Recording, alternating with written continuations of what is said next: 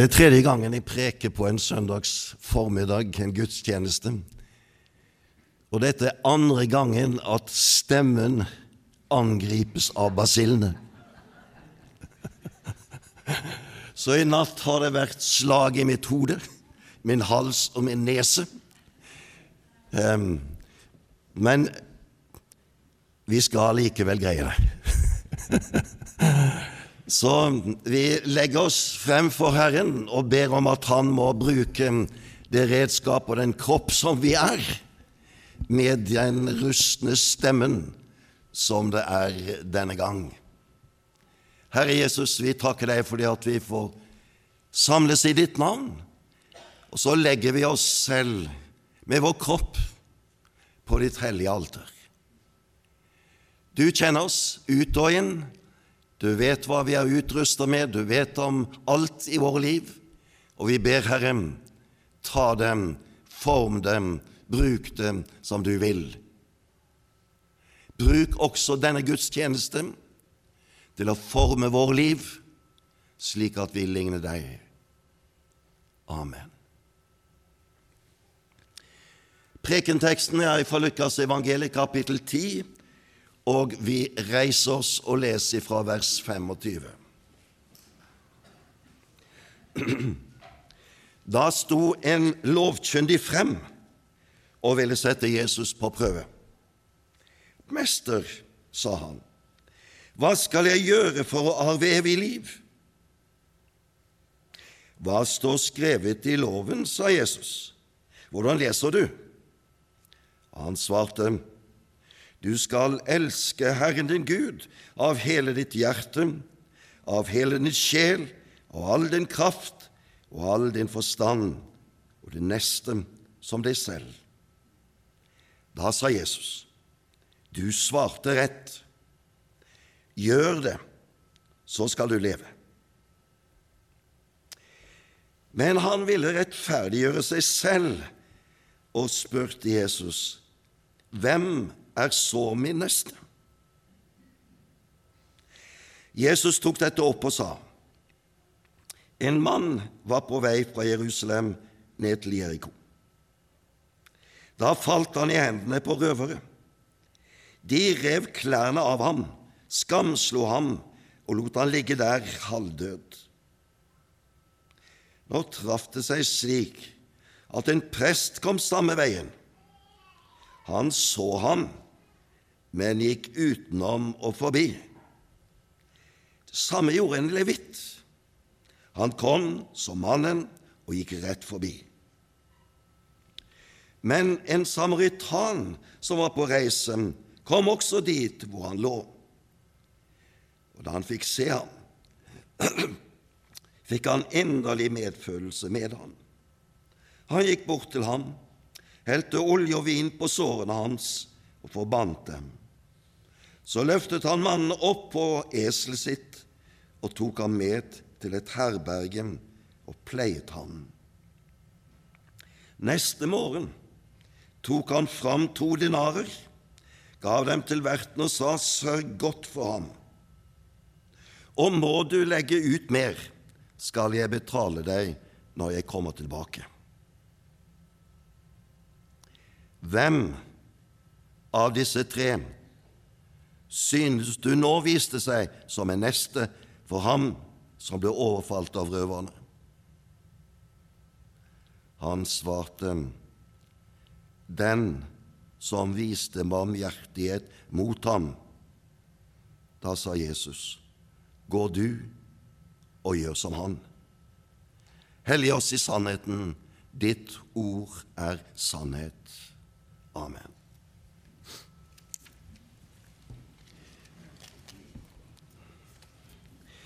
Det er jo en kjent tekst. Du har hørt den mange ganger, du har lest den, og du har kanskje også hørt flere prek over den. Det som er faren når en tekst er så kjent, det er at du parkerer teksten når du har hørt den. Dette kan jeg. Dette kjenner jeg til. Ja, dette har jeg hørt før. Og så flyr tankene dine helt andre steder. Og så er likevel spørsmålet tilbake har ikke denne teksten noe å si oss i dag. Og jeg håper at i løpet av denne prekenen også skal møte deg slik at du står i tekstens lys. Det starter som en samtale, en dialog, mellom en lovekspert og Jesus. Og Slike samtaler har vi en rekke av i, det, i evangeliene, og vi kaller de gjerne for stridssamtaler. For denne loveksperten var egentlig ute for å sette Jesus fast, ute for å avsløre han. Og Derfor stiller han dette spørsmålet Hva skal jeg gjøre for å arve evig liv? Uttrykket 'evig liv' er et guddommelig uttrykk. Det er bare Gud som har evighet og evighetens liv. Skal vi få del i dem, så må vi få det som en gave fra Gud. For i oss er det ikke noe som kan bygge det evige liv med de guddommelige kvaliteter. Hva skal jeg gjøre? spør han. Spørsmålet var nok atskillig mer nærgående utfordrende den gang enn det kanskje for oss som sitter i dag og hører.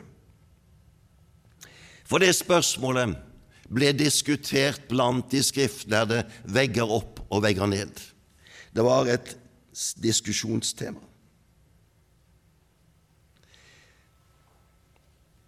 Og så vil altså denne loveksperten prøve å avsløre Jesus som en uopplyst og som en som reiste rundt og nærmest var en sjarlatan. Men Jesus lar seg ikke så lett fange inn. Og derfor ser vi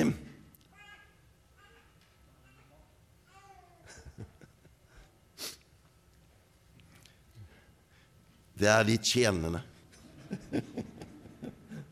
Da får vi ta en liten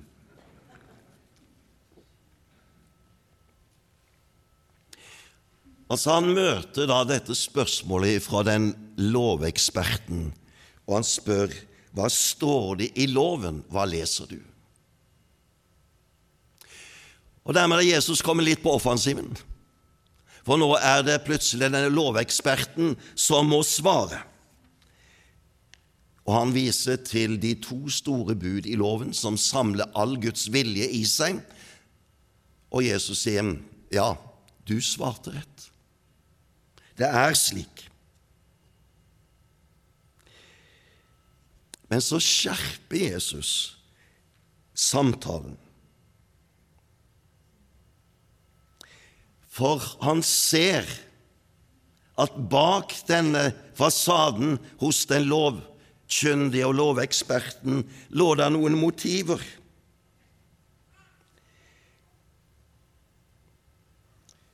Og så kommer han på banen, denne loveksperten, og så sier han, 'Hvem er så min neste?' Også det var et spørsmål som kunne diskuteres. Og Det ordet som er brukt på gresk, betyr egentlig venn eller nabo. Er min neste bare min venn? Er det bare min nabo? Eller er det bare mitt parti, i dette tilfellet kanskje fariseerpartiet? Eller er det det jødiske folk? Eller hvor er grensen? Og så har han lagt opp til en ganske innfløkt diskusjon, som nok de lovkyndige den gang diskuterte inngående. Og det er da Jesus griper fatt i denne fortellingen. En eksempelfortelling fra livet. Og denne fortellingen blir på en måte et speil som settes opp foran ham, og i denne fortelling skal den lovlærde, eksperten, speile sitt eget liv. Hvem ligner du på? Det er det underliggende spørsmål som utfordrer denne loveksperten. Og i utgangspunktet lignet han mest på presten og levitten. De hadde tjeneste i tempelet. De hadde kunnskap og innsikt. De var på en måte innenfor denne krets. Og Derfor var det naturlig at det var den nærmestliggende å sammenligne seg med. Men de skildres i Jesu fortelling på en slik måte at denne lovlærde får problemer.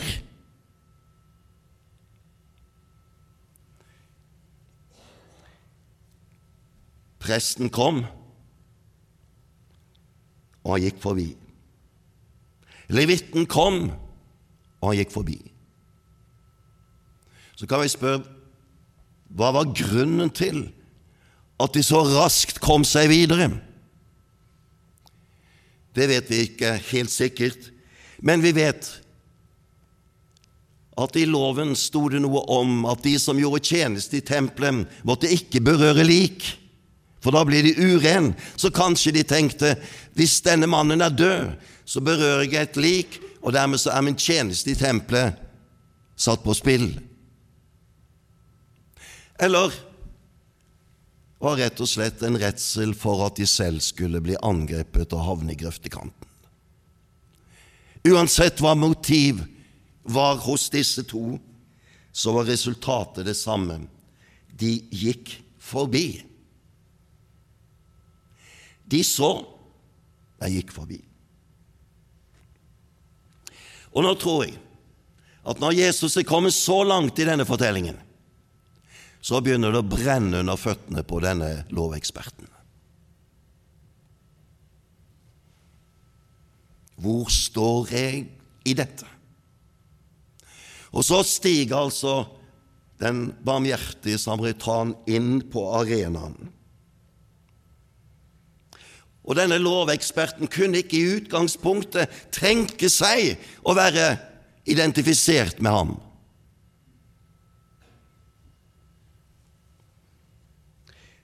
Det var fiendskap mellom dem. Nabofolket i nord, i Samaria. Men fortellingen har en fyldig skildring av hvordan samaritaneren opptrer.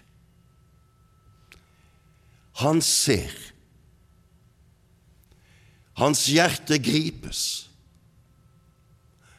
Han går til handling og bruker olje og salve for å lindre smerten i sårene.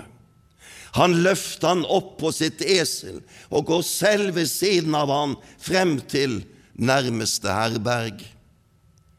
Der legger han inn på sin regning. Jeg betaler og dersom det er flere utgifter med hans liv og situasjon, ja, så skal jeg komme igjen og betale resten. Mange ord bruker Jesus for å vise hvem denne barmhjertige samaritanen er, og hvordan han handler. Han ser med hjertet, og ut ifra dette syn handler han inn i situasjonen. Det er mange måter å se på. Noen ganger er det nysgjerrigheten som ligger bak. Noen ganger er det bare denne nøytrale registreringen. Men her er det tale om å se med hjertet. Kjenne denne medfølelsen med en livssituasjon som preges av nød, og vite hva en skal gjøre og en handle. Dette er nestekjærlighet i praksis.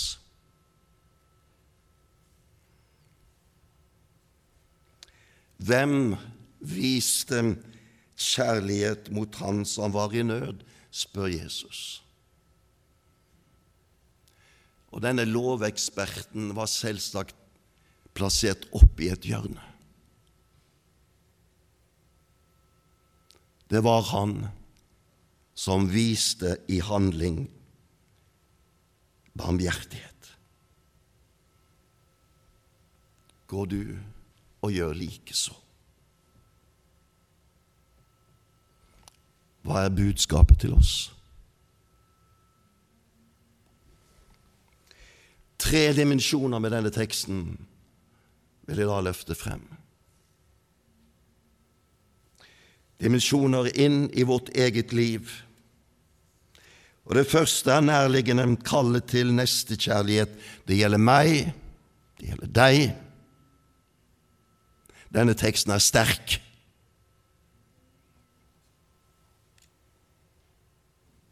Hvem er min neste?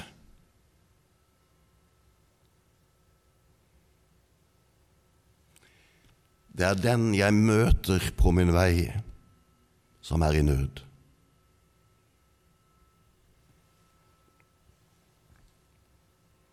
Jesus avviser enhver diskusjon om hvor grenser går, og hvordan i all verden dette skal gjøres. Der hvor du kommer og ser, og ser med hjertet, der ser du også nøden, og Jesus sier, så.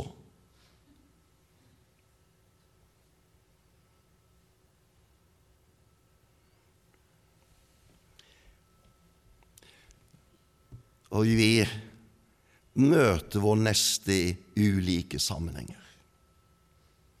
Vår neste i vår familie. Vår neste i våre naboer.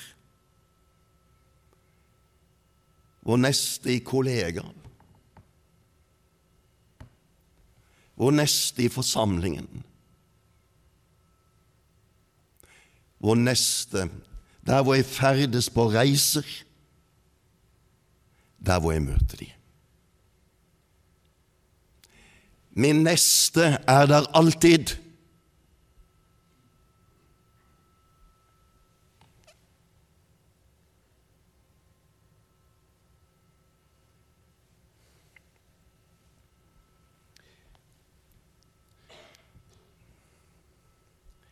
Vi lever i en medieverden hvor også hele den globale smerten ramler inn over oss gjentatte ganger.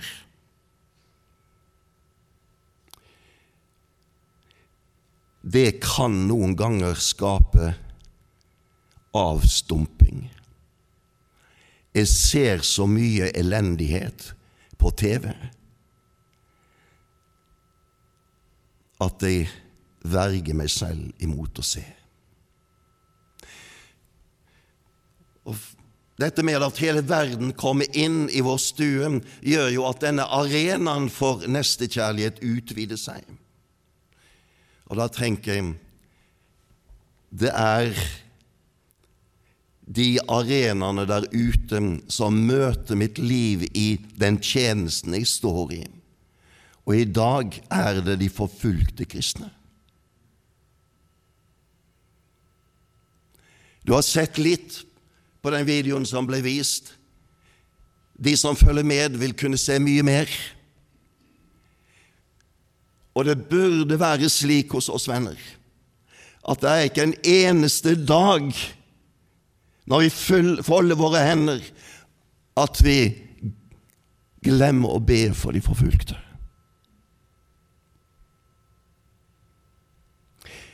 Der er historier nok til å se den nød som er der. Og du burde ikke la ditt hjerte tie i møte med denne nød i Guds kirke i verden.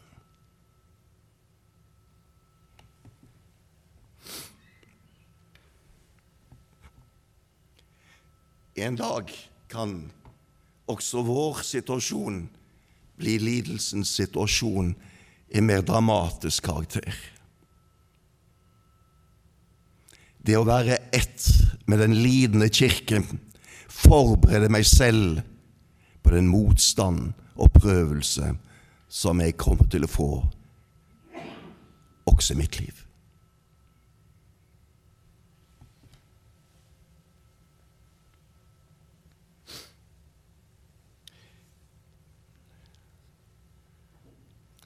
Så er det en dimensjon til. Denne loveksperten, han ville rettferdiggjøre seg sjøl. Han ville på en måte si at han var trygt innenfor. Dette angikk ikke han. Han hadde alt på stell. Her var ingenting å pirke borti. Og det er Jesus som ser hjertet. I møte med de andre som var der og snakka sammen i denne situasjonen, var det kanskje ingen som så dette hjertet, men Jesus så det. Slik han ser mitt og ditt hjerte.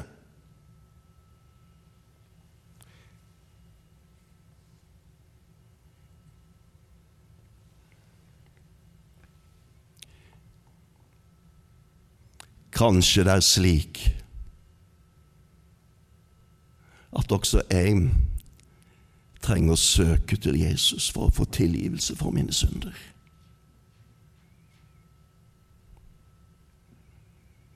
Kanskje jeg også trenger en fornyelse i mitt liv, slik at dette liv som skildres her, og som stiger frem i Skriften, kunne bli virkelighet mellom oss.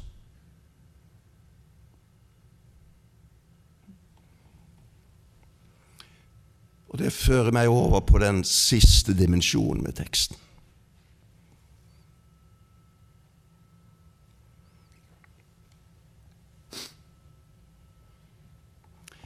Og gjennom hele prekenhistorien, helt tilbake til Oldkirken, ble denne fortelling lest også med et spørsmål om hvem ligner jeg på?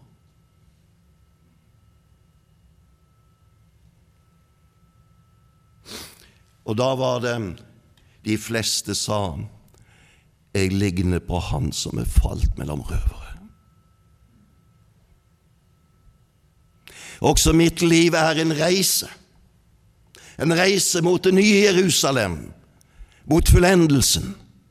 Men på denne reisen angripes også mitt liv av djevelen, syndens makt, i meg og omkring meg. I disse situasjoner kan også jeg komme ut på grøftekanten.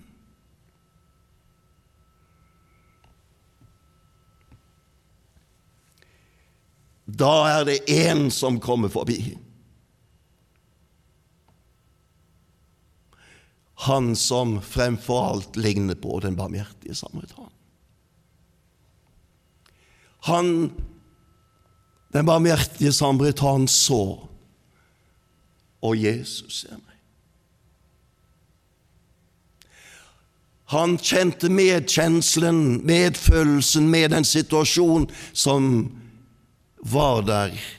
Slik kjenner også han medkjenselen med min situasjon. Og slik han tok han opp på sitt esel og førte han til herberget, og sier, jeg betaler for alt. Slik fører han en synder til Guds forsamling og betaler for alt.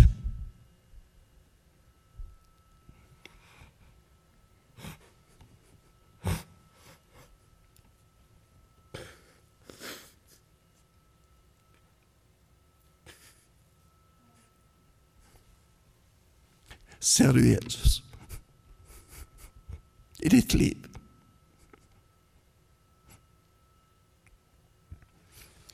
Han kommer der slik den barmhjertige samaritan kom.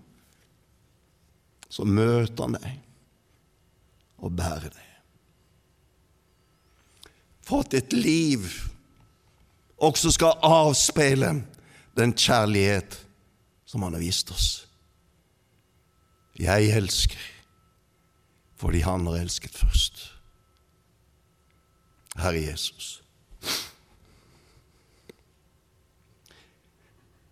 se til oss i din nåde.